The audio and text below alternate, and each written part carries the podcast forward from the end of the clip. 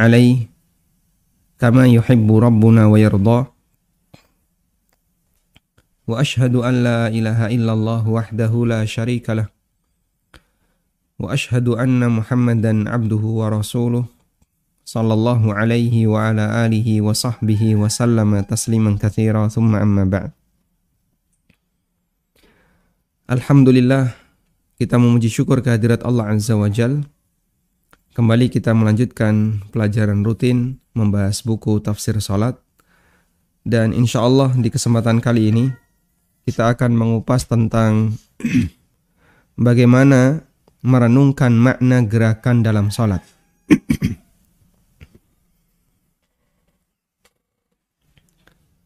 merenungkan gerakan dalam salat bentuknya ada dua. Yang pertama adalah merenungkan bagaimana cara melakukan gerakan itu sesuai sunnah. Dan modal utama untuk bisa melakukan ini adalah dengan mempelajari sunnah-sunnah Nabi Sallallahu Alaihi Wasallam dalam salat. Seperti bagaimana cara melakukan takbiratul ikhram yang sesuai sunnah, bagaimana cara sedekap yang sesuai sunnah, bagaimana cara rukuk yang benar, cara iktidal yang benar, dan seterusnya. Dan secara umum, seorang hamba akan berusaha untuk meniru panutannya. Sehingga ketika dia tahu bagaimana cara Nabi Shallallahu Alaihi Wasallam melakukan ibadah, maka ketika dia menganggap dan besar eh, apa semangatnya untuk meniru sunnah Nabi Sallallahu Alaihi Wasallam, dia akan berusaha untuk menyesuaikannya. Dan itu bisa menambah kekhusyuan. Seperti Anda bisa perhatikan ya, seorang penari sampai pada posisi jari saja kadang diperhatikan. Sehingga saat dia meniru mentornya atau dia meniru gurunya, disuruh untuk gerak pelungkit gini, pelungkit gitu ya. Disuruh untuk gerak kanan kiri, dia berusaha untuk meniru dengan sempurna. Dan itu dia kerjakan dengan fokus. Seorang yang menggunakan senjata Bahkan kadang sampai posisi jari itu diperhitungkan. Jari tidak boleh di sini, tidak boleh di sini. Nanti gimana ketika megang pedang, megang samurai? Apa yang harus dipikirkan ketika megang samurai? Apa yang harus di apa lakukan ketika medang tembak? Megang ini, megang ini. Sampai posisi jari itu diperhitungkan dia akan berusaha untuk fokus melakukan sebagaimana yang diajarkan oleh mentornya. Maka demikian pula gerakan-gerakan yang lain. Dan tentu saja sholat harus kita lakukan dengan semangat seperti itu. Mengapa harus sesuai sunnah? Karena secara umum manusia akan semakin yakin dengan amalannya jika amalan itu sesuai dengan praktek yang dilakukan oleh panutannya. Sehingga jika Anda ingin melakukan gerakan sholat dan Anda yakin benar, ikuti praktek sholat Nabi Sallallahu Alaihi Wasallam. Namun sangat disayangkan semangat semacam ini tidak sehebat semangat ketika orang mau menirukan gerakan uh, apa misalnya gerakan aktivitas tertentu. Gerakan medang, megang senjata, megang pedang, megang apalagi misalnya atau gerakan menari, dia bisa semangat untuk meniru gurunya. Tapi giliran sholat kadang asal-asalan. Padahal Nabi Shallallahu Alaihi Wasallam pernah menegaskan hal ini dalam sabdanya, wasallu kama usalli. Kerjakanlah sholat sebagaimana kalian melihatku sholat. Kata kuncinya adalah jadikan gerakan sholat kita berdalil. Sehingga Anda bisa berpikir untuk melakukan gerakan sesuai sunnah ketika sholat. Insya Allah nanti akan kami sebutkan beberapa rincian sunnah Nabi Shallallahu Alaihi Wasallam untuk beberapa gerakan dalam sholat. Hanya saja para pembaca yang ingin melihat lebih detail sunnah-sunnah Nabi Wasallam ketika sholat, kami sarankan agar Anda membaca buku Sifat Salat Nabi Sallallahu Alaihi Wasallam karya Syekh Imam Muhammad Nasiruddin Al-Albani rahimahullah. Buku ini termasuk salah satu karya ilmiah yang menginspirasi saya untuk belajar sholat lebih serius. Alhamdulillah sudah banyak edisi terjemah dalam bahasa Indonesia. Anda tinggal searching di internet, insya Allah buku itu cukup banyak. Sifat Sholat Nabi SAW karya Muhammad Nasiruddin Al-Albani. Baik. Dan ada sedikit cerita tentang buku ini ya. Ada seorang soidali, ya, seorang apoteker. Beliau bukan termasuk orang yang rajin belajar agama di masa silamnya. Artinya beliau ya orang awam sebagaimana pada umumnya manusia yang mereka tidak tidak memberikan waktu khusus untuk belajar agama. Kemudian satu ketika seusai bekerja, beliau istirahat di sebuah masjid untuk sholat duhur lalu istirahat. Beliau menemukan ada buku sifat sholat Nabi SAW. Kemudian dibaca buku itu, akhirnya beliau punya ketertarikan untuk memahami lebih detail tentang bagaimana cara sholat yang benar. Sehingga di kesempatan lain dibaca, dibaca, dibaca, sampai selesai buku itu dibaca dan beliau punya keinginan agar bisa bertemu dengan penulisnya. Akhirnya berangkatlah beliau menemui Syekh Albani rahimahullah. Kemudian beliau menjadi muridnya Syekh Albani dan termasuk di antara murid murid dekatnya beliau, murid dekatnya Syekh Albani. Sampai akhirnya beliau menjadi ahli hadis. Beliau adalah Syekh Abu Ishaq Al-Huwaini hafizahullah taala. Ada juga sebagian orang yang dia belajar sifat sholat Nabi SAW. Edisi bahasa Indonesia.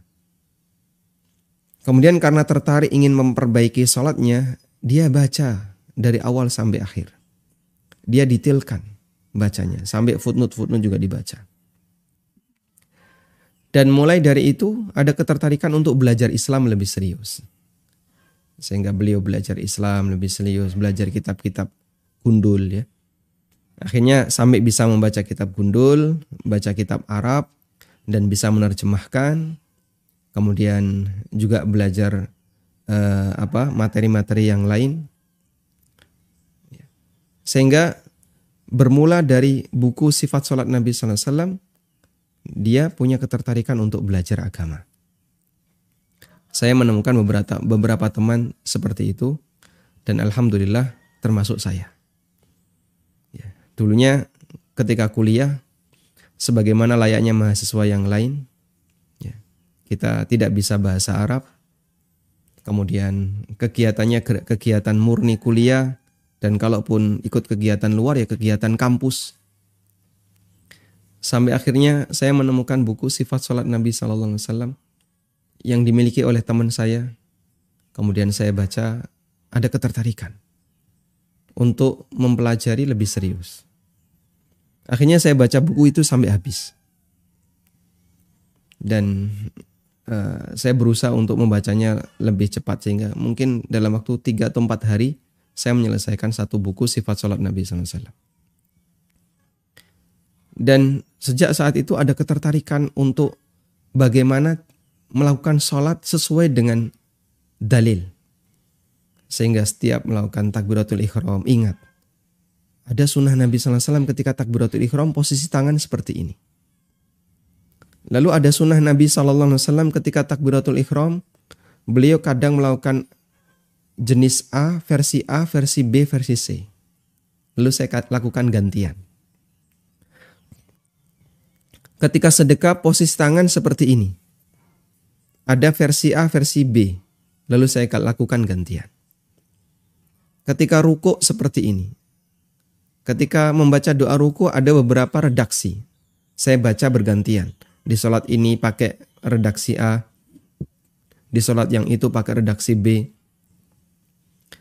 Lalu sejak saat itu Allah Subhanahu wa taala memberikan uh, hidayah dalam bentuk semangat untuk belajar Islam lebih dalam Kemudian saya belajar kepada Ustadzuna Ustadz Aris Munandar hafizahullah taala.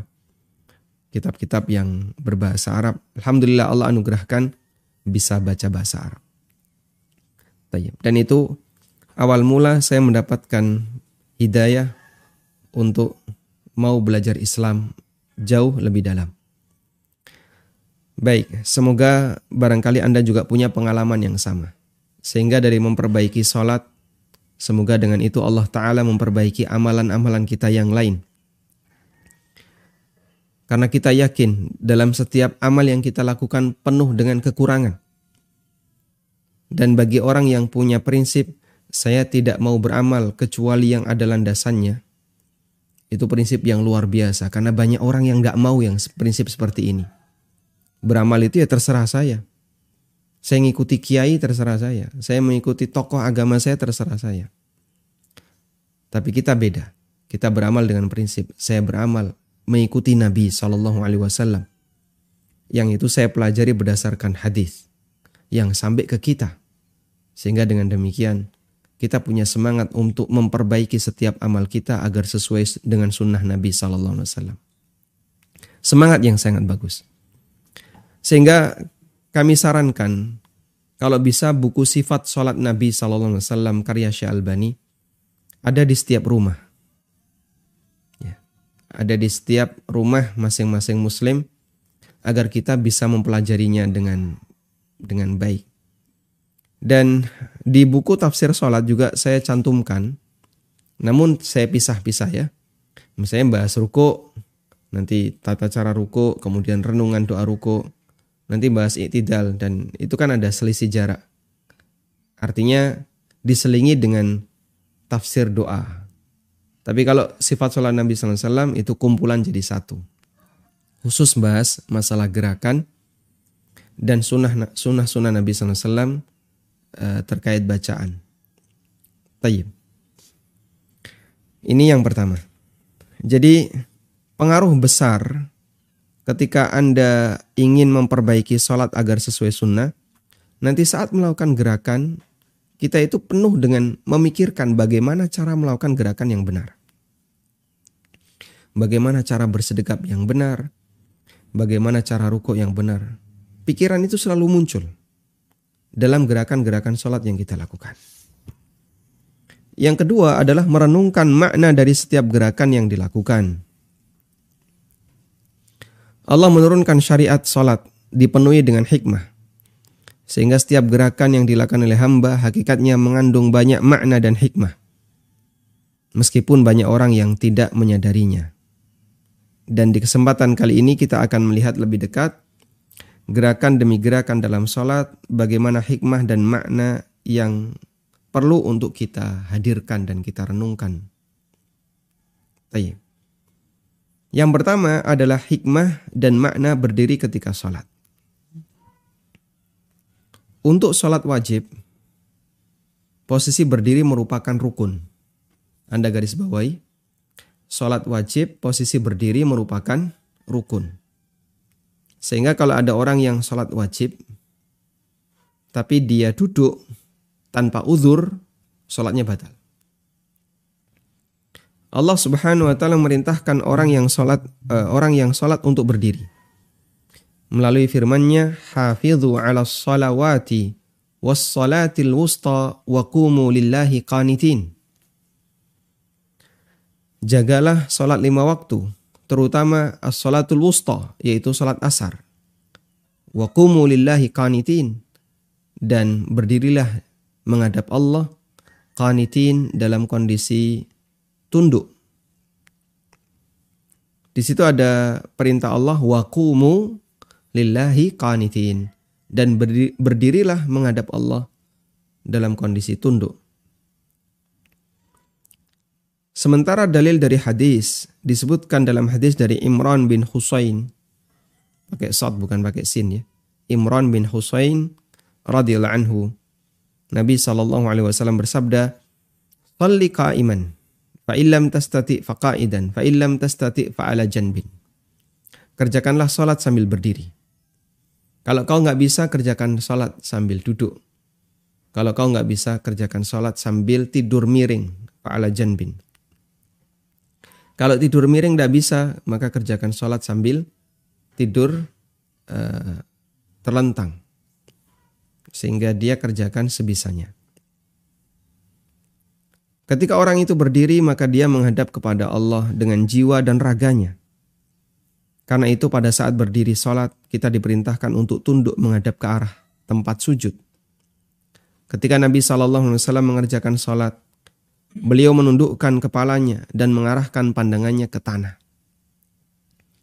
Sehingga tidak dongak. Dan ini terlarang ya. Terlarang ada ancaman khusus. Orang yang melakukan sholat sambil mengarahkan pandangannya ke atas juga tidak tolah-toleh. Tidak melihat ke arah depan, tapi melihat ke arah bawah. Sehingga menampakkan suasana tunduk di hadapan Rabbul Izzah Azza wa Jal. Nabi SAW dalam hadis riwayat Bukhari juga melarang orang sholat sambil melihat ke atas. Dan larangannya sangat keras. Nabi SAW bersabda, Layantahiyan akwamun hendaknya orang itu menghentikan kebiasaannya. Ya. Yang dia melihat ke arah atas. Atau Allah Subhanahu wa taala akan menyambar matanya. Sehingga bisa jadi ketika hukuman itu diturunkan, maka orang jadi buta. Karena dia melihat ke arah atas. Renungan apa yang bisa kita hadirkan renungkan bahwa ketika Anda berdiri pada saat sholat, Anda sedang melakukan perintah Allah di surat Al-Baqarah ayat 238. Waqumu lillahi qanitin. Berdirilah menghadap kepada Allah dalam kondisi tunduk. Sehingga saat kita berdiri, saya sedang melaksanakan perintah Allah. Waqumu lillahi qanitin. Allah perintahkan saya untuk berdiri ketika salat. Dan menjalankan perintah Allah itu satu kebanggaan. Coba ketika Anda tiba-tiba dapat instruksi surat dari presiden. Bapak tolong tanam kacang. Nyuruhnya tanam kacang misalnya ya. Anda akan merasa kaget, Bu. Presiden nyuruh saya. Saya ini siapa kok sampai ada perintah seperti ini? Isinya suruh perintah, uh, isinya adalah diperintahkan untuk tanam kacang maka kita akan semangat menanam kacang. Andaikan yang memerintahkan Anda adalah Allah Azza wa Jal, langsung. Dalam bentuk misalnya Anda uh, ini pengandaian ya. Misalnya Anda mendapatkan sebuah surat dari sang nabi. Allah perintahkan agar kau membaca surat ini mungkin kita akan nangis. Nabi Shallallahu Alaihi Wasallam pernah bersama Ubay bin Kaab radhiyallahu anhu. Lalu beliau bersabda, Inna Allah amarani an aqra'a alaika surah al-bayyinah. Allah perintahkan aku untuk membacakan kepadamu surat al-bayyinah. An aqra'a alaika lam yakunil ladzina kafaru. Surat Al-Bayyinah. Kemudian Ubay balik bertanya kepada Nabi SAW. Waqad sammani. Apakah Allah menyebut namaku? Jawab Nabi SAW. Naam. Betul. Fabaka Ubay. Maka Ubay pun menangis. Allah menyebut namaku. Nabi SAW mengatakan kepada Ubay bin Ka'ab. Allah menyuruhku untuk membacakan surat lam yakunil ladina kafaru kepadamu. Ubay balik tanya, Allah menyebut namaku? Betul. Fabaka Ubay. Maka Ubay pun menangis. Nah ada banyak perintah Allah dalam Al-Quran yang kadang kita melakukannya tapi kita tidak menyadari kalau itu bagian dari perintah Allah. Maka renungkan bahasanya Anda sedang melaksanakan perintah Allah. Ini saya sedang menjalankan perintah Allah perintah penciptaku, perintah Robku. Renungan pula bahwasanya saat ini kita sedang menghadap Allah di dunia. dan nanti kita akan menghadap Allah di akhirat. Menghadap Allah untuk menerima hisab dalam posisi yang sama, yaitu posisi berdiri. Sehingga saat ini ketika di dunia kita menghadap Allah untuk memohon rahmatnya, untuk memohon memohon ampunan darinya. Dan kelak kita akan menghadap Allah untuk dihisap amal-amal kita. Ada yang dimudahkan dan ada yang mengalami kesulitan. Sehingga semoga berdirinya kita menghadap Allah di dunia menjadi sebab kita dimudahkan oleh Allah Ta'ala untuk berdiri ketika di akhirat. Selanjutnya yang ketiga, Berharaplah kepada Allah sebagaimana Allah memudahkan kita berdiri menghadapnya ketika sholat pada saat di dunia. Semoga dengan ini Allah memudahkan kita menghadapnya di akhirat. Sebaliknya, orang yang tidak mau berdiri menghadap Allah ketika di dunia dengan melaksanakan sholat, dia akan menghadapkan, dia akan mendapatkan kesulitan. Dia akan menghadapi berbagai macam kesulitan ketika menghadap Allah Ta'ala di akhirat. Allah Ta'ala berfirman, ya, kita ingat ayat ini ya. Surat Saba ayat 31. Walau tara idhiz zalimuna mawqufuna inda rabbihim yarji'u ba'duhum ila ba'dinil qawla. Andaikan kamu melihat ketika orang zalim menghadap kepada pencipta mereka. Idhiz zalimuna mawqufuna inda rabbihim ketika orang zalim, yaitu orang-orang kafir, orang-orang musyrik, dan orang-orang zalim yang lainnya, dia menghadap Allah Ta'ala, berdiri di hadapan Allah Subhanahu wa taala. Yarji'u ba'duhum ila ba'dinil qaula. Maka sesama orang zalim itu saling menyalahkan antara satu dengan yang lain. Gara-gara kamu, gara-gara kamu, gara-gara kamu. Di posisi mereka sedang menghadap Allah Subhanahu wa taala. Ibnu Rajab menggambarkan ketakutan para ulama di masa silam ketika mereka berdiri di hadapan Allah Ta'ala. Wa kana al-ulama'u idza qama ahaduhum fi salati haba ar-rahman 'azza wa jalla ay yashudda nadharahu. Dulu di antara para ulama idza qama ahaduhum ila shalah idza qama ahaduhum ketika mereka berdiri menghadap berdiri melakukan salat menghadap Allah ketika salat. Habar Rahman mereka merasa takut kepada Ar-Rahman Allah Azza wa Jal ketika pandangannya melenceng. Habar Rahman Azza wa Jalla ayasudza nadharahu dia merasa takut di hadapan Ar-Rahman. Jangan sampai pandangannya itu melenceng. Tiba-tiba matanya ngelirik. Itu dia takut di hadapan Allah Subhanahu wa taala. Au yuqallibal has au yaltafit au yuqallibal hasa atau bahkan dia menoleh atau mainan kerikil. Au ya'butha bi syai'in atau dia bermain dengan sesuatu. Au yuhaddithu ya'ni nafsahu bi syai'in minad dunya. Atau dia bicara dengan dirinya sendiri. Batin. Atau dia batin bisyai'in minad dunya dalam perkara dunia illa nasiyan madama fi salatihi kecuali jika dia lupa selagi masih salat Masya Allah. Sehingga kalau Anda berhadapan dengan orang yang sangat Anda takuti orang yang sangat Anda segani ya, mungkin kita nggak berani untuk ngelirik itu nggak berani. Misalnya kita sedang apa diminta untuk menghadap kepala sekolah atau Pak Rektor. Karena satu kejadian tertentu kita dipanggil. Kamu harus menghadap Pak Rektor atau kepala sekolah. Lalu kita menghadap. Satu meja dengan beliau. Beliau ada di hadapan kita, kita di sini. Lalu kita ditanya. Tiba-tiba kita menoleh. Kadang kan eh, kepala sekolah atau Pak Rektor akan mengingatkan. Eh ditanya kok orang madep. Ditanya kok nggak menghadap. Kok malah tolah-toleh. Baik. Seperti itu pula ketika kita sedang menghadap Allah Ta'ala dalam salat. Anda sedang menghadapi Ar-Rahman Azza wa Jal. Zat yang menciptakan kita, yang memberi rizki kita.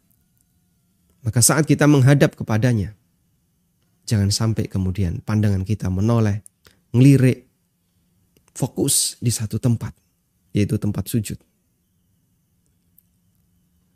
Dan hadirkan suasana bahwasanya kita sedang menghadap Rabbul Izzah. Lalu batin kita juga fokus. Jangan sampai batin itu lari ke mana-mana. Karena Allah juga melihat batin. Kalau di hadapan manusia, mungkin batin bisa lari ke mana. Lalu kita batin juga. Ya. Tapi kalau di hadapan Allah Ta'ala, Allah melihat lahir batin kita. Tayyib. Ini yang bisa kita hadirkan ketika kita berdiri saat sholat. Dan inilah jamaah yang saya maksud ya. Menghadirkan renungan ketika melakukan gerakan untuk tipe yang kedua setelah kita melakukan gerakan itu sesuai sunnah Nabi Shallallahu Alaihi Wasallam. Selanjutnya yang kedua, memahami makna mengangkat tangan ketika takbir. Kenapa kita perlu mengangkat tangan? Ada cerita ya dari Pak Yunahar Ilyas rahimahullah rahmatan wasi'ah.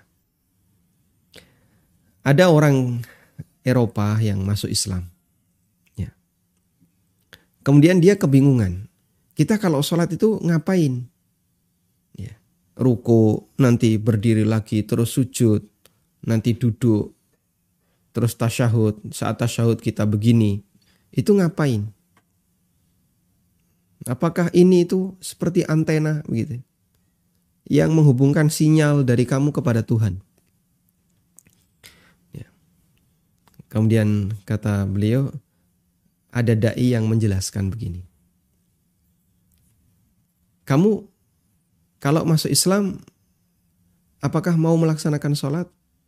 Ya mau, karena itu kan perintah dalam Islam. Tapi sholatnya kenapa harus seperti itu? Kalau kamu sholat, apa yang kamu lakukan? Ya begini. Nah seperti itu pula. Begini itu artinya, begini artinya apa? Menyerah. Kayak orang ditodong pistol. Ya. Angkat tangan, angkat tangan dia. Menyerah. Nah orang kalau sudah menyerah, suruh angkat tangan, menyerah. Selanjutnya dia disuruh apa pun, nurut nggak? Oh nurut. Sudah angkat tangan, menyerah. Nunduk, nunduk. Jongkok, jongkok. Tengkurap, tengkurap. Karena kalau enggak, ditembak nanti. Karena dia sudah angkat tangan. Nah, sholat juga seperti itu. Kamu sudah angkat tangan, menyerah. Nah, sekarang giliran kamu disuruh ngapain, harus nurut. Gitu ya. Maka nggak usah dipikirkan. Yaitu cerita dari beliau rahimahullah. Mengangkat tangan dilakukan oleh Nabi Shallallahu Alaihi Wasallam ketika takbiratul ihram, ketika ruku, ketika itidal, dan ketika bangkit dari duduk tasyahud awal. Dan terkadang beliau juga mengangkat tangan saat turun sujud. Nanti akan kita bahas itu. Nabi Shallallahu Alaihi Wasallam mengangkat kedua tangannya terkadang setinggi pundak dan dan terkadang setinggi telinga. Kadang setinggi pundak, kadang setinggi telinga. Dari Ibnu Umar radhiyallahu anhu, beliau menceritakan, anna Rasulullah sallallahu alaihi wasallam kana yarfa'u yadayhi hadwa mankibaihi idza iftataha shalah Nabi sallallahu alaihi wasallam mengangkat kedua tangannya setinggi pundak beliau. Idza iftataha shalah ketika beliau mulai salat. Allahu akbar. Dan Anda melakukan ini dengan merenungkan. Ini sesuai hadis Ibnu Umar. Riwayat Bukhari Muslim. Ya tapi nggak harus ngomong kayak gitu ya. Tapi Anda ingat, ini ada hadisnya, ini ada hadisnya, ini ada hadisnya. Maka sholat kita akan lebih bernilai. Malik Ibn Al-Huwairith radhiyallahu anhu, beliaulah sahabat yang meriwayatkan hadis wasallu kama ra'aitumuni usolli. Hadis yang sangat terkenal ya. Sallu kama ra'aitumuni sallu kama ra'aitu muni usolli.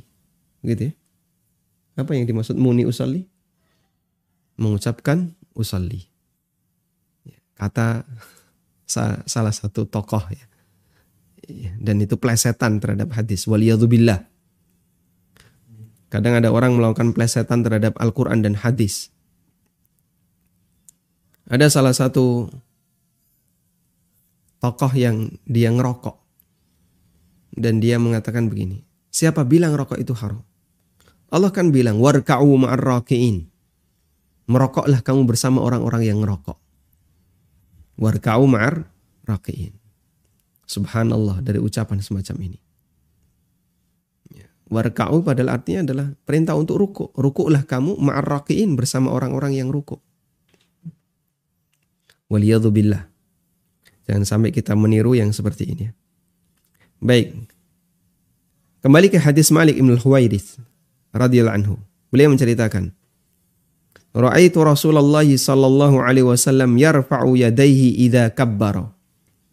Aku melihat Rasulullah sallallahu alaihi wasallam mengangkat kedua tangannya ketika takbir wa idza raka'a dan ketika ruku wa idza rafa'a ra'sahu min ruku hatta balagha furu'a udhunaihi dan ketika beliau mengangkat kepalanya dari ruku hatta balagha hingga setinggi udhunaihi kedua daun telinga beliau sehingga saat mengangkat tangan menurut hadis Malik Ibnu Huwairith mengangkat tangan itu setinggi telinga kalau menurut hadis Ibnu Umar mengangkat tangan setinggi pundak dan dua-duanya dibolehkan. Kalau digabung boleh nggak pak? Eh nggak boleh ya. Kayak gini jadi satu di pundak, satu di telinga, nggak boleh. Harus sejajar. Namun boleh bergantian sehingga tidak digabung tapi diamalkan secara apa? Bergantian. Kadang setinggi pundak, kadang setinggi telinga. Karena itu pada saat kita mengangkat tangan, tanamkan kepada diri kita bahwa kita sedang melaksanakan dan melestarikan sunnah Nabi Wasallam. Baik. Sekarang kita akan lihat apa hikmah mengangkat tangan. Ulama berbeda pendapat dalam menjelaskan hikmah mengangkat kedua tangan ketika sholat. Imam An-Nawawi, ulama madhab syafi'iyah, yang meninggal tahun 676 Hijriah, Abu Zakaria Yahya bin Sharaf An-Nawawi. Beliau dilahirkan di kota Nawa, Suriah. Ahli hadis, ahli fikih, ahli bahasa, salah satu ulama besar madhab syafi'iyah. Di rentang usia beliau 46 tahun, beliau menghasilkan puluhan, puluhan karya tulis dan rata-rata menonjol di tengah umat. Allah jadikan beliau sebagai salah satu guru besar umat. Baik, coba Anda perhatikan dalam hadis Riyadus Salihin ada di mana-mana. Ya. Dalam masalah apa lagi? Dalam hadis yang tipis Arba'in Nawawiyah ada di mana-mana. Fikih Syafi'i beliau punya banyak kitab fikih Syafi'i yang jadi rujukan Al-Majmu' Syarah Muhadzab. Ya. Raudhatul Talibin dan banyak karya beliau yang lainnya. Masya Allah. Saya kalau mengingat Imam Nawawi, usianya pendek, tapi karyanya jadi banyak rujukan. Dan itulah orang yang berprestasi di tengah umat Muhammad Sallallahu Alaihi Wasallam. Ya, punya banyak keunggulan. Nah, dalam Al-Majmu' Syarah Muhadzab menyebutkan beberapa hikmah mengangkat tangan ketika takbir. An-Nawawi menyebutkan beberapa hikmah. Anis Syafi'i annahu shalla bi janbi Muhammad Ibn Hasan. Dilihatkan dari Syafi'i bahwasanya beliau pernah salat di samping seorang ulama namanya Muhammad bin Hasan Asy-Syaibani. Muhammad bin Hasan Asy-Syaibani ini murid seniornya Abu Hanifah. Farafa'a syafi'i yadaihi lirruku'i walirraf'i minhu. Imam Syafi'i mengangkat tangan ketika ruku, ketika i'tidal. Faqala lahu Muhammad. Maka Muhammad bin Hasan Asyaibani bertanya kepada Imam Syafi'i. Lima rafa'ta yadaika. Kenapa kau mengangkat tanganmu? Faqala Syafi'i. I'zaman li jalalillahi ta'ala. Wattiba'an li sunnati rasulihi sallallahu alaihi wasallam wa raja'an li thawabillah. Ada tiga alasan. Kenapa aku mengangkat tangan ketika mau ruko, ketika iktidal? Untuk mengagungkan Allah Azza wa Jalla. Jadi mengangkat tangan itu sebagai bentuk pengagungan di hadapan Allah Azza wa Jalla. Allahu Akbar. Sami Allahu liman hamidah. Yang kedua mengikuti sunnah Rasulullah Sallallahu Alaihi Wasallam sebagaimana dalam beberapa hadis tadi. Yang ketiga mengharapkan pahala dari Allah Azza wa Jalla. Kemudian An-Nawawi melanjutkan. Wa qala tamimi kata At-Tamimi min ashabina termasuk ulama madhab kami yaitu Syafi'iyah. Dalam kitabnya At-Tahrir Syarah Sahih Muslim. Syarah Sahih Muslim yang terkenal juga Syarah Sahih Muslim An-Nawawi. Minan nasi mangkala kata At-Tahrir kata At-Tamimi ada sebagian orang yang mengatakan raf'ul yadaini ta'abbudun la yu'kalu ma'nahu. Mengangkat kedua tangan adalah bentuk ibadah yang tidak bisa dilogika. Wa minhum mangkal ada juga yang mengatakan huwa isyaratun ila tauhid. Mengangkat kedua tangan adalah isyarat tauhid. Wa qala al-Muhallab bin Abi Safrah al-Maliki dan kata Imam Muhallab, salah satu ulama madhab Malikiyah, dalam syarah Sahih Bukhari, hikmatul raf'i inda al-ikhram ayyarahu man la yasma'u takbira fayu'lama dukhuluhu fi salati fayuqtada bihi. Hikmah mengangkat tangan ketika takbiratul ikhram adalah agar bisa dilihat oleh makmum yang nggak dengar imam. Dulu kan nggak pakai pengeras suara. Dan imam itu belum tentu orang yang suaranya kencang. Kadang ada imam yang sudah tua, suaranya lemah. Sehingga dalam satu masjid yang softnya panjang, imam mengucapkan Allahu Akbar. Yang dengar paling sejarak misalnya 3-2 meter. Yang kanan kiri yang atau belakang yang gak dengar melihat yang angkat tangan. Ini menurut keterangan Al-Muhallab. Salah satu ulama madhab Malikiyah. Imam Nawawi menyebutkan pendapat yang lainnya. Wakilah huwa istislam wangkiyadun wa asiru ya, ini yang tadi disinggung oleh Ustadz Yunahar ya. Wa asiru idza ghalaba madda yadayhi alamatun listislamihi bahwasanya mengangkat tangan adalah istislam. Tanda bahwasanya dia itu pasrah dan tunduk. Tanda dia itu menyerah. Wakanal asir dan namanya tawanan. Ketika dia kalah, idha guliba maddayadahi. Dia akan mengangkat kedua tangannya.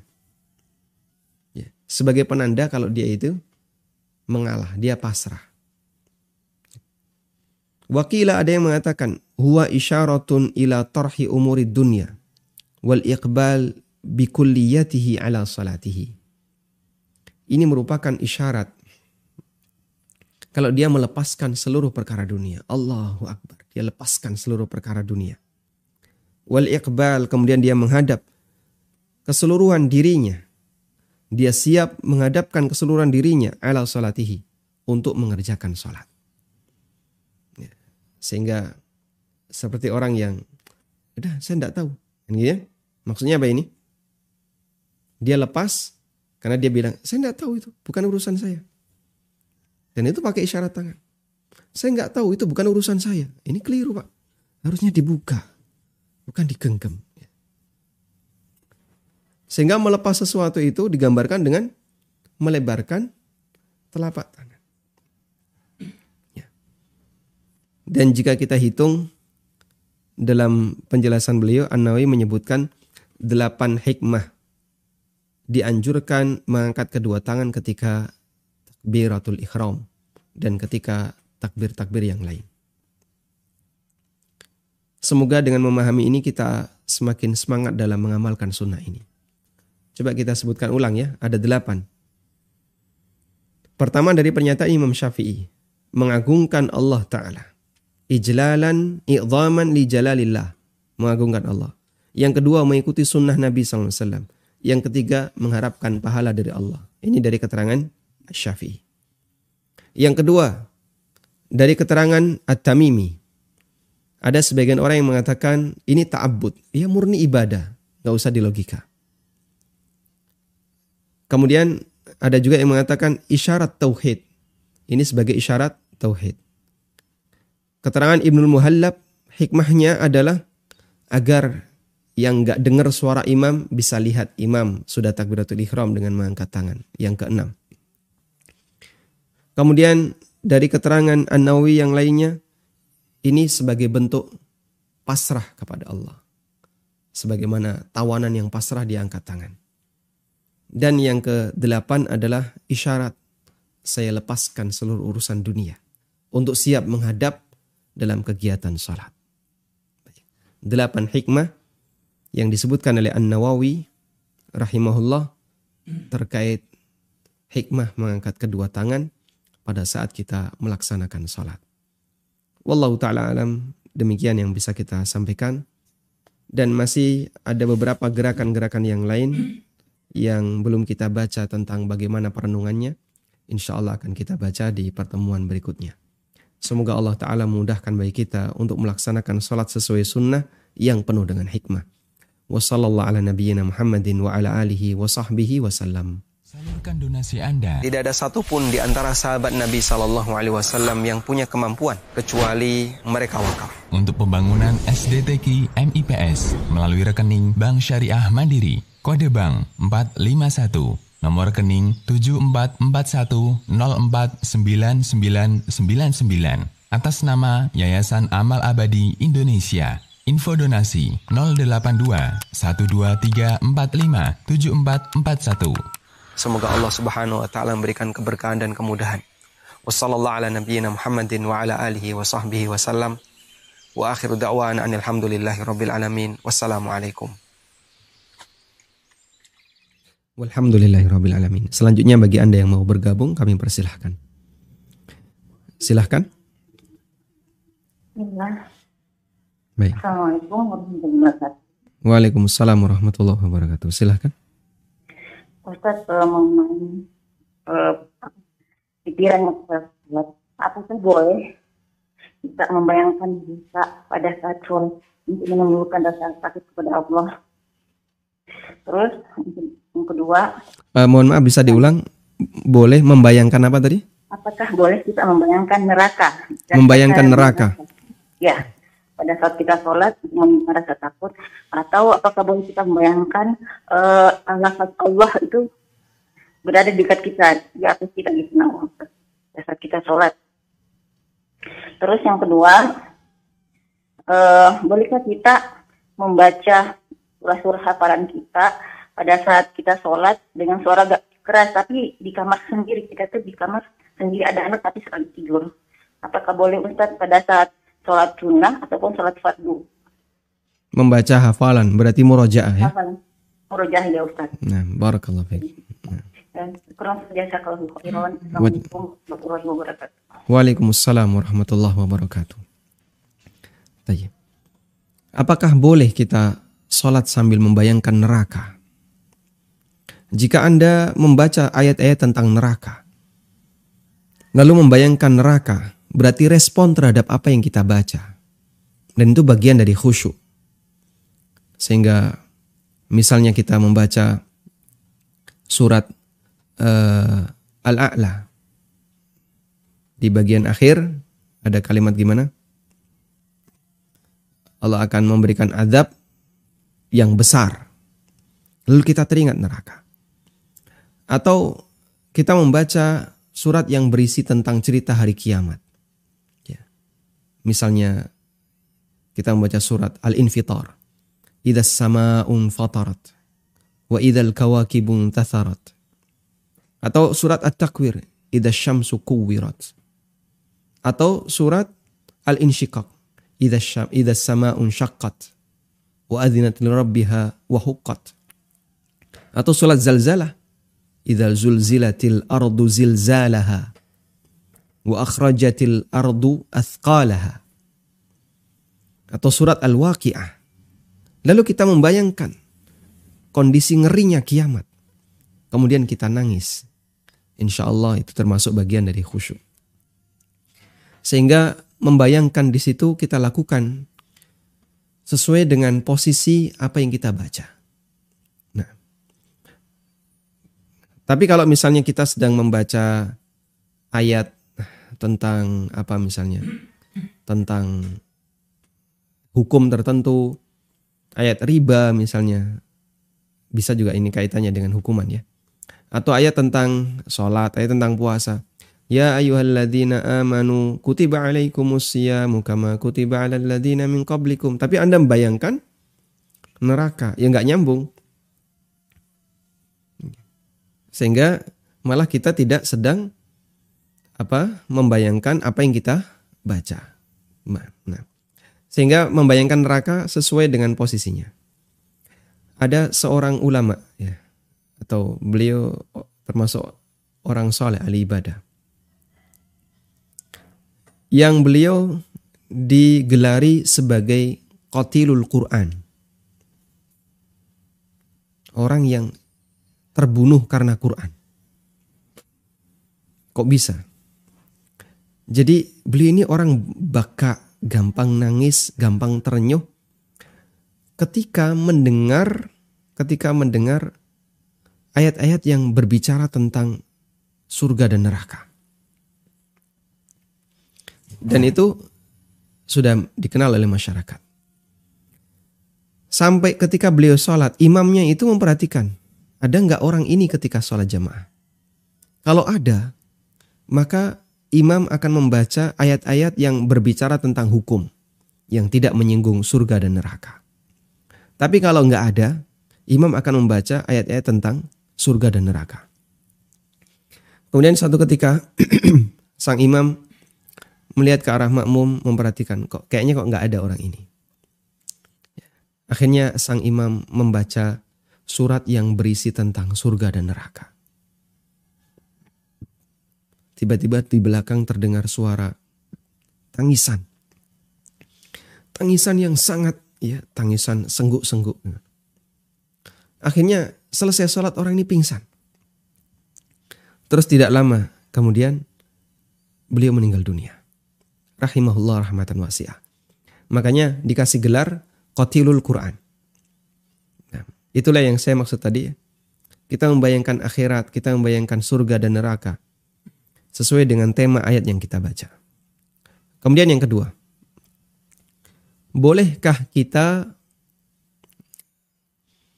mengulang bacaan atau murajaah, mengulang hafalan dalam sholat? Jawabannya boleh.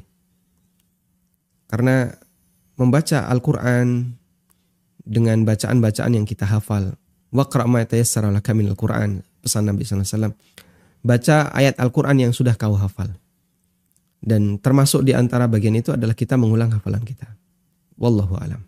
Nah. Silahkan. Assalamualaikum Ustaz. Waalaikumsalam warahmatullah. Silahkan. Semoga Allah Amin walaka bimithlin.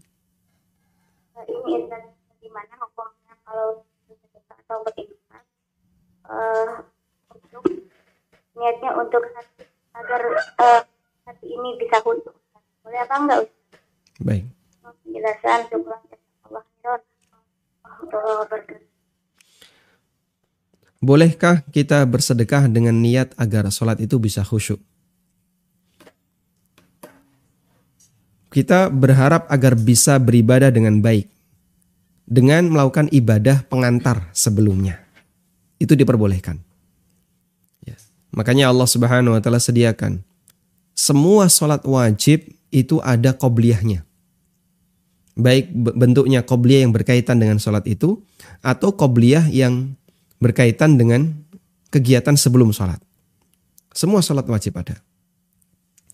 Ada qobliyah subuh, qobliyah duhur, qobliyah asar, qobliyah maghrib. Isya bagaimana? Isya ada sholat antara dua adzan, adzan dan iqamah. Sholat ketika tahiyatul ketika masuk masjid, tahiyatul masjid. Sholat ba'diyah wudhu sebelum melaksanakan sholat isya. Sehingga semua sholat lima waktu boleh melakukan qobliyah. Tapi kalau ba'diyah kan ada yang ada, ada yang enggak. Subuh nggak ada ba'diyahnya, asar nggak ada ba'diyahnya. Tayyib. Tujuannya apa? Melakukan ibadah dan sebelumnya sudah ada mukaddimah ibadah sebelumnya. Itu menjadi salah satu faktor pendorong agar ibadah kita yang utama ini menjadi semakin sempurna. Baik. Dulu Allah perintahkan agar orang yang mau menghadap Nabi Shallallahu Alaihi Wasallam untuk bersedekah. Ya. Allah sebutkan itu dalam Al-Quran ya. Uh, ya ayyuhalladzina amanu idza najaitumur rasula faqaddimu baina yaday najwakum sadaqah. Wahai orang-orang yang beriman, kalau kamu mau bermunajat dengan Nabi, maksudnya adalah konsultasi menghadap Rasulullah sallallahu alaihi wasallam, faqaddimu baina yaday najwakum sadaqah. Maka uh, dahului sebelum kalian bertemu Nabi wasallam, dahului dengan sedekah. Akhirnya orang kalau mau ketemu Nabi SAW, dia harus punya modal dulu. Sedekah dulu baru ketemu Rasulullah SAW. Bukan sedekah kepada Nabi. Nabi SAW nggak boleh menerima sedekah. Tapi dia sedekah kepada fakir miskin. Kemudian ayat itu dinasah, dihapus dengan lanjutan ayat. Aashfaqtum tuqaddimu baina yaday najwakum sadaqat. Apakah kalian merasa keberatan ketika mau ketemu Nabi SAW harus didahului dengan sedekah? Dan karena faktor itu, kemudian aturan itu tidak diberlakukan. Kata Ali bin Abi Thalib, karena antara perintah sedekah dengan ayat nasahnya yang menjadi penghapusnya itu pendek waktunya. Kata Ali bin Abi Thalib, tidak ada orang yang mengamalkan ayat ini kecuali aku. Beliau langsung sedekah antara setengah atau satu dinar gitu. Karena mau ketemu Nabi Wasallam. Setelah itu turun firman Allah yang menghapus tadi. Sehingga untuk menghadap Rasul Wasallam didahului dengan sedekah. Ada sebagian ulama di antaranya adalah Syekhul Islam Ibnu Taimiyah. Beliau sebelum Jumatan itu selalu didahului dengan sedekah. Beli makanan kasih orang. Atau ngasih duit ke orang. Dan kata beliau, jika Allah perintahkan orang sebelum menghadap Allah Eh, sebelum menghadap Rasulullah SAW untuk sedekah, meskipun ini sudah dihapus, maka kalau kita mau menghadap Allah, kita sedekah dulu. Sehingga nggak jadi masalah Anda misalnya bersedekah dengan niat agar nanti ketika sholat bisa semakin khusyuk. Wallahu alam. Bismillah. Ustadz, sholat mencegah seseorang dari perbuatan keji dan mungkar. Tapi mengapa banyak orang yang sholat masih sering berbuat maksiat? Masya Allah. Kita meyakini ini karena ini ada dalam Al-Quran ya. Allah subhanahu wa ta'ala berfirman. Coba kita bukakan ayatnya ya. Inna salata tanha anil fahsyai wal munkar. Sesungguhnya salat itu mencegah seseorang untuk berbuat al-fahsya wal munkar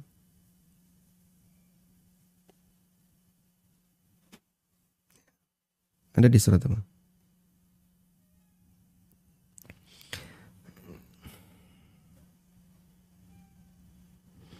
Nasalata tanha anil fahsya. Saya belum menemukan.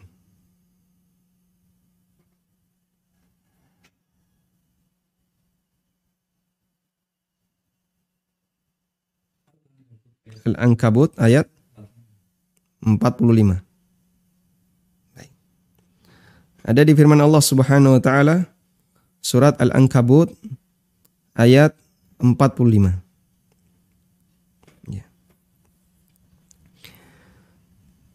Inna salata tanha 'anil fahsya'i wal munkar wa la dzikrullahi akbar. Wallahu ya'lamu ma. Sesungguhnya salat melarang seseorang untuk berbuat keji dan mungkar dan merupakan zikrullah akbar yang terbesar. Wallahu ya'lamu ma tasna'un dan Allah mengetahui apa yang kalian perbuat. Lalu apa makna dari ayat ini? Padahal kita tahu banyak orang yang sholat tapi rajin berbuat maksiat. banyak orang yang sholat tapi masih rajin berbuat maksiat setelah sholat. Pertama kita perlu meyakini ayat ini pasti benar. Tidak mungkin salah. Kenapa?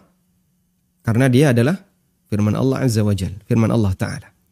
Sehingga nggak mungkin ayat ini salah. Ayat ini pasti benar. Itu firman Allah. Baik. Tapi ketika kita tidak paham maknanya, jangan sampai kita menyudutkan itu ayat.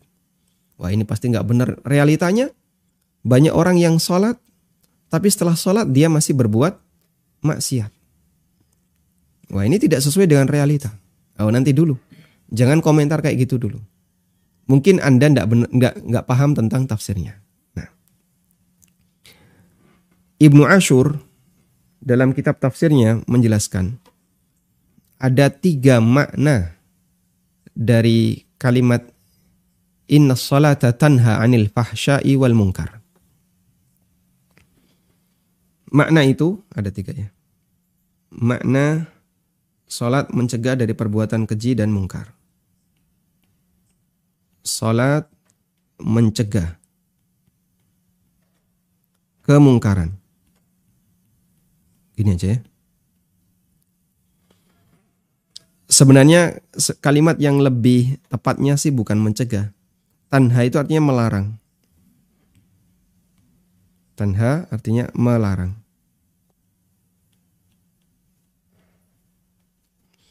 Salat melarang orang untuk berbuat mungkar. Ada tiga makna kata Ibnu Ashur. Makna yang pertama adalah dilihat dari kegiatan sholat itu sendiri. Dilihat dari kegiatan sholat itu sendiri. Makna yang kedua adalah status sholat. Makna yang ketiga adalah pengaruh pasca sholat.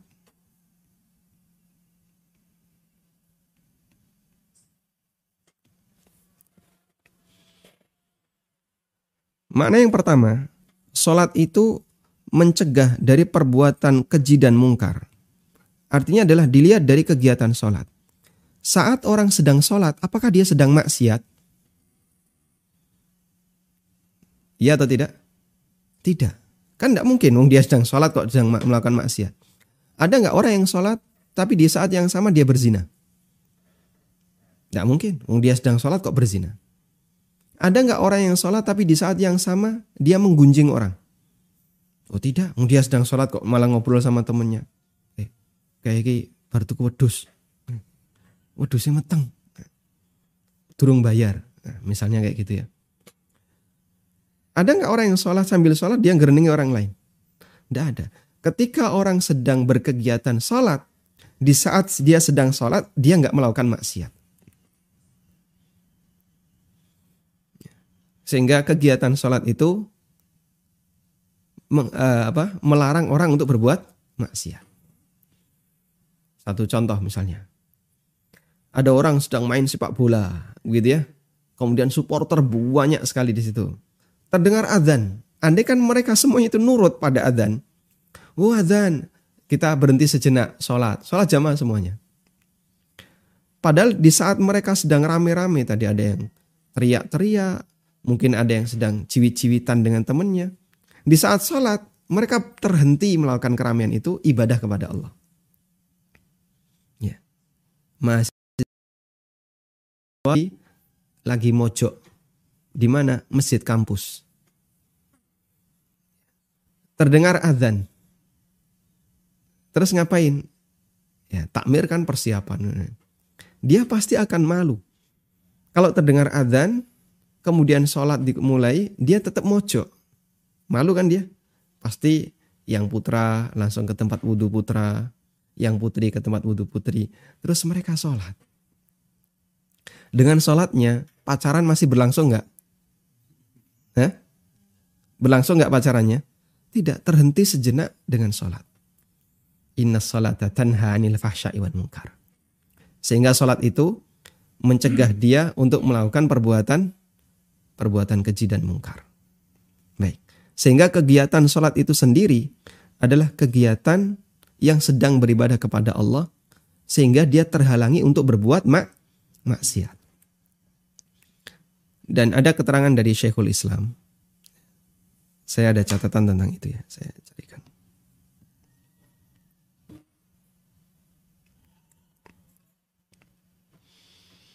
Nah, Syekhul Islam pernah mengatakan ini Nafsu fi'li ta'ati yatadammanu tarkal ma'asi.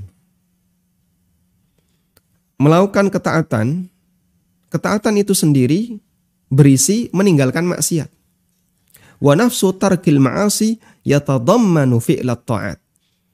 Dan orang yang meninggalkan perbuatan kemungkaran, perbuatan maksiat, itu berisi perbuatan ketaatan.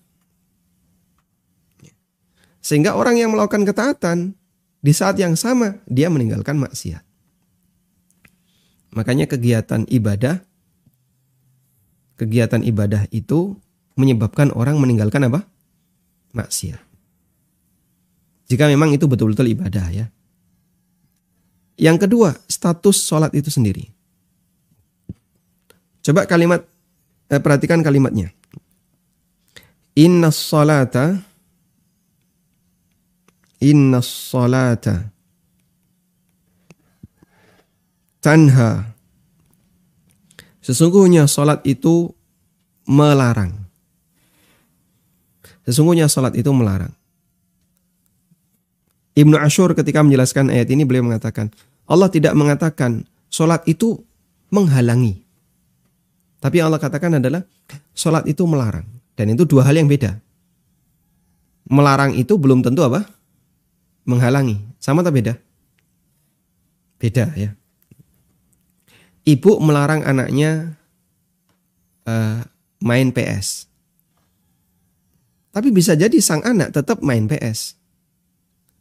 Di saat bapak datang, HP diambil, uh, main game bukan main PS ya. Di saat bapak datang, ibu melarang anaknya main game. Tapi anaknya main game. Bapaknya datang, gamenya diambil. Nah, HP-nya diambil, bukan gamenya diambil. HP-nya diambil. Sudah? Mana mencegah, mana melarang? Ibu me melarang. Tapi bapak men mencegah. Paham ya? Baik. Kata beliau, yang Allah firmankan, Inna sholata tanha. Sholat itu melarang. Karena dalam isi sholat, hamba itu bermunajat. Membaca fatihah, membaca surat-surat dalam Al-Quran. Yang isinya adalah mau idhah hasana yang isinya hikmah, yang isinya ini, isinya ini. Kemudian dia baca zikir, dia beristighfar, dia memuji Allah. Yang itu semuanya menunjukkan bahwasanya posisi ibadah sholat itu seperti seorang ustadz yang sedang memberikan tausiah. Posisi sholat itu. Sehingga andai kan sholat itu diwujudkan dalam bentuk makhluk, yang dia bisa bicara, maka dia itu berwujud seperti seorang tokoh yang memberikan tausiah. Kamu harus gini, kamu harus gini, kamu nggak boleh gini, kamu nggak boleh gini. Itu status sholat. Cuman masalahnya orang ini apakah nanti mau nurut terhadap nasihat sholatnya atau tidak, itu urusan belakangan. Paham ya? Saya kasih permisalan. Sang ustadz itu melarang kaumnya, melarang masyarakat, bukan kaumnya. Sang ustadz melarang masyarakatnya untuk melakukan perbuatan keji dan mungkar. Apakah kalimat ini menunjukkan bahwasanya selama ustadz ada di tengah mereka, perbuatan keji dan mungkar tidak terjadi? Oh enggak, masih banyak orang yang berbuat maksiat. Tapi sang ustadz tetap berstatus sebagai sang pemberi larangan untuk melakukan perbuatan maksiat. Ya. Sehingga ini berbicara status. Salat itu statusnya mencegah orang, melarang orang untuk berbuat keji dan mungkar. Meskipun bisa jadi pelakunya kadang ndak nggak nurut. Nah pelakunya kalau ndak nurut bukan berarti status sholat itu menjadi gagal sebagai pencegah atau sebagai pelarang perbuatan keji dan mungkar. Lihat itu, masyarakatmu. Mereka rajin berbuat maksiat, rajin berbuat dosa. Status ustadzmu dilengserkan. Gitu enggak? Tidak. Beliau tetap menjadi seorang dai yang mengingatkan masyarakat untuk menghindari maksiat, mengalukan ketaatan meskipun masyarakatnya nggak mau nurut. Apakah kemudian ketika masyarakatnya nggak mau nurut terus status sang dai ini jadi hilang? Tidak. Ada nabi yang dia nggak punya pengikut. Ada nabi yang pengikutnya cuma tiga orang atau lebih. Ada nabi yang mengikutnya cuma dua orang. Nabi Muhammad SAW pernah melihat kejadian. Beliau diperlihatkan oleh Allah seluruh manusia dari awal sampai akhir. Lalu beliau mengatakan, ada nabi wa ma'ahur rahat. Ada nabi yang cuma membawa beberapa orang. Rahtun itu kurang dari sembilan. Atau antara tiga sampai sembilan. Kurang dari sepuluh. Wan nabiyyu wa ma'ahu rajulun wa rajulan. Ada nabi yang cuma membawa satu pengikut atau dua pengikut. Wan nabiyyu wa ma'ahu ahad. Bahkan ada nabi yang tidak membawa seorang pun pengikut. Apakah kemudian ketika kaumnya sama sekali tidak mengikuti nabi ini, maka status sang nabi itu menjadi gugur? Jawabannya tidak gugur. Dia tetap berstatus sebagai apa? Nabi. Sehingga sholat tetap berstatus sebagai pencegah atau peng, pe, pelarang. Nanti kalau saya sebut pencegah, mananya jadi berbeda ya. Sholat tetap berstatus sebagai tanha orang eh, apa kegiatan yang melarang orang untuk berbuat keji dan maksiat. Meskipun bisa jadi pelakunya tidak mematuhi so, sholat. Paham ya? Alhamdulillah. Makna yang ketiga. Inna salata tanha anil fahsyai wal munkar. Sesungguhnya salat melarang seseorang untuk berbuat keji dan mungkar. Adalah berbicara tentang pengaruh setelah salat. Bahwasanya orang yang salat maka nanti akan memberikan pengaruh. Salatnya akan memperbaiki kepribadiannya, memperbaiki perbuatannya. Tapi, tapi ada tapinya. Apa tapinya, Pak? Sholat itu adalah sholat yang sempurna. Memenuhi setiap rukun, syarat, wajib, dan ruh sholat dihadirkan. Dia khusyuk, dia fokus, bukan sembarangan. Sunnah-sunnahnya dilakukan. Sehingga ketika sholatnya sempurna, maka orangnya akan kemudian terpengaruh dengan sholat itu. Lalu dia bisa menghindari perbuatan maksiat, menghindari perbuatan haram. Ya. Itu berbicara tentang pengaruh sholat. Cuman kebanyakan orang ketika sholat ya asal-asalan, sehingga saat dia melakukan sholat, ya pasca sholat ternyata sholatnya tidak memberikan pengaruh sama sekali, karena sholatnya adalah sholat yang tidak maksimal. Dan saya kira tafsir yang ketiga ini yang paling banyak dibawakan oleh para dai, para ustadz di Indonesia ketika ditanya tentang makna inna salata tanha anil fahsya'i wal munkar. Namun ada dua tafsir, satu dan dua ini yang barangkali penting untuk kita sebutkan juga bahwasanya makna inna salata tanha anil fahsya'i wal munkar itu adalah kegiatan salat sendiri. Ada ibu-ibu masuk masjid, nggak pakai jilbab. Kemudian uh, pakaiannya misalnya sampai lengan, bawahannya pakai rok setengah betis, bahkan kadang ada yang pakai celana di bawah, di atas apa di atas lutut. Tatkala dia sholat ngapain dia? Apakah kaosnya dibuka? Celananya dilepas? Tidak. Dia makin menutupi pakai mukna dia. Dia tutupi kepalanya. Dia tutupi tangannya dia tutupi kakinya saat sholat. Sehingga dia membuka aurat di luar sholat, begitu sholat dia nutup aurat. Maka sholatnya apa? Melarang dia berbuat maksiat. Yang kedua adalah status sholatnya. Sholat itu isinya mau idhoh. Sehingga kalau dia diwujudkan sebagai makhluk, maka dia pemberi nasihat. Cuman ada yang mau ngikuti, ada yang enggak. Ya. Sehingga banyak begitu selesai sholat id, mukna dilepas, terus apa lagi? Ya, kembali membuka aurat. Berarti dia nggak nurut dengan sholatnya. Andai kan dia nurut, dia akan bawa muknanya pulang ke rumah dalam posisi tetap dipakai agar dia menutupi auratnya. Cuman banyak jamaah putri yang kadang nggak mau seperti itu. Sehingga sholatnya tidak memberikan pengaruh.